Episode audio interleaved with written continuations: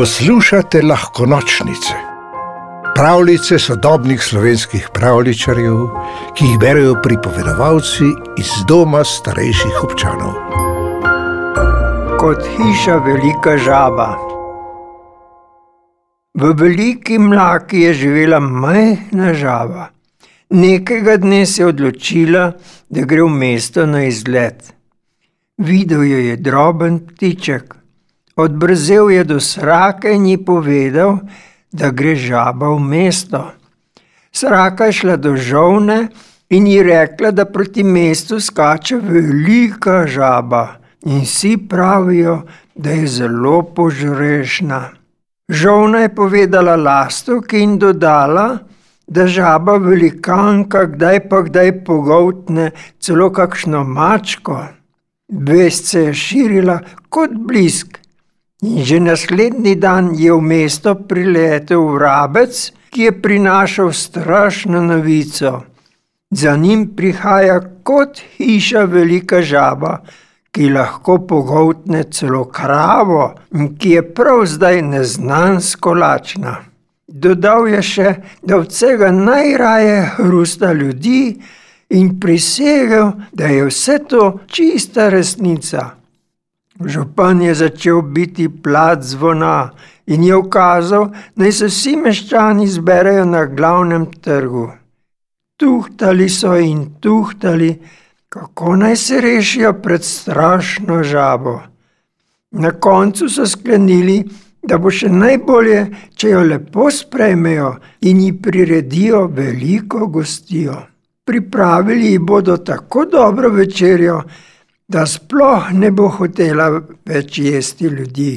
Kdo ve, mogoče jih bo na koncu celo prosila, da postanejo njeni kuhari.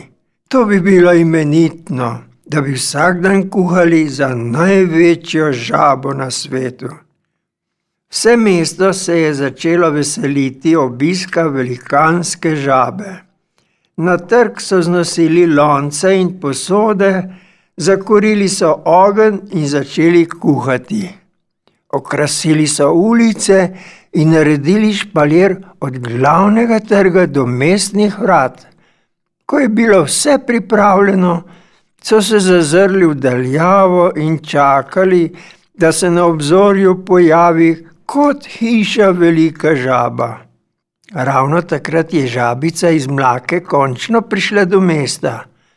Skakala je skozi špalir, pa so vsi tako napeto gledali proti obzorju, da je nihče ni niti opazil. Po dolgi poti je bila sestradana in nos jo je vodil naravnost na glavni trg. Tam je zagledala čudovit prizor, povsod so stale dolge mize, Vse so bile polne sveže skuhanih jedi. Žabica se je pognala med sklede in jedla, dokler ni bila okrogla kot žoga. Potem se je odkotalila do mestnega ribnika, malo si bo odpočila, potem pa si gre ogledati ulice in hiše. Medtem so meščani postajali nemirni. Večerilo se je že, Velikanske žabe pa ni bilo od nikoder. Kaj pa če je sploh ne bo? To bi bilo strašno, pa tako lepo so se pripravili. Čakali so jo čisto do noči. Naslednje jutro so vstali že zgodaj in so pogledovali proti obzorju, a za manj. Žaba ni prišla. Da bi se potolažili, so začeli drug drugemu pripovedovati, kaj so izkuhali. Vsak je trdil, da bi ji bila gotovo prav njegova jed najbolj všeč. Na ves glas so se hvalili in bili so tako prepričljivi, da so začeli še sami sebi verjeti. Malo sploh niso več vedeli, kaj se je zares zgodilo in kaj ne. Na koncu so bili prepričani, da jih je čisto zares obiskala velikanska žaba. Pojedla je vse, kar so ji pripravili, in potem še polizala sklede. Čudovita žaba je bila to in prav zares velika, kot stolpnica.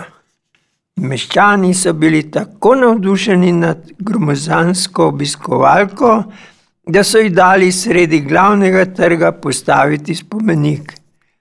Potem so ga tako zavzeto gledali, da sploh niso videli žabice, ki je na poti v veliko mlako priskakala mimo njih.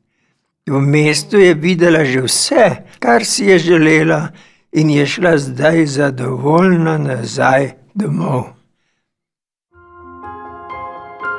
Pravljico napisala Ana Duša, pripovedoval Izidor Babnik.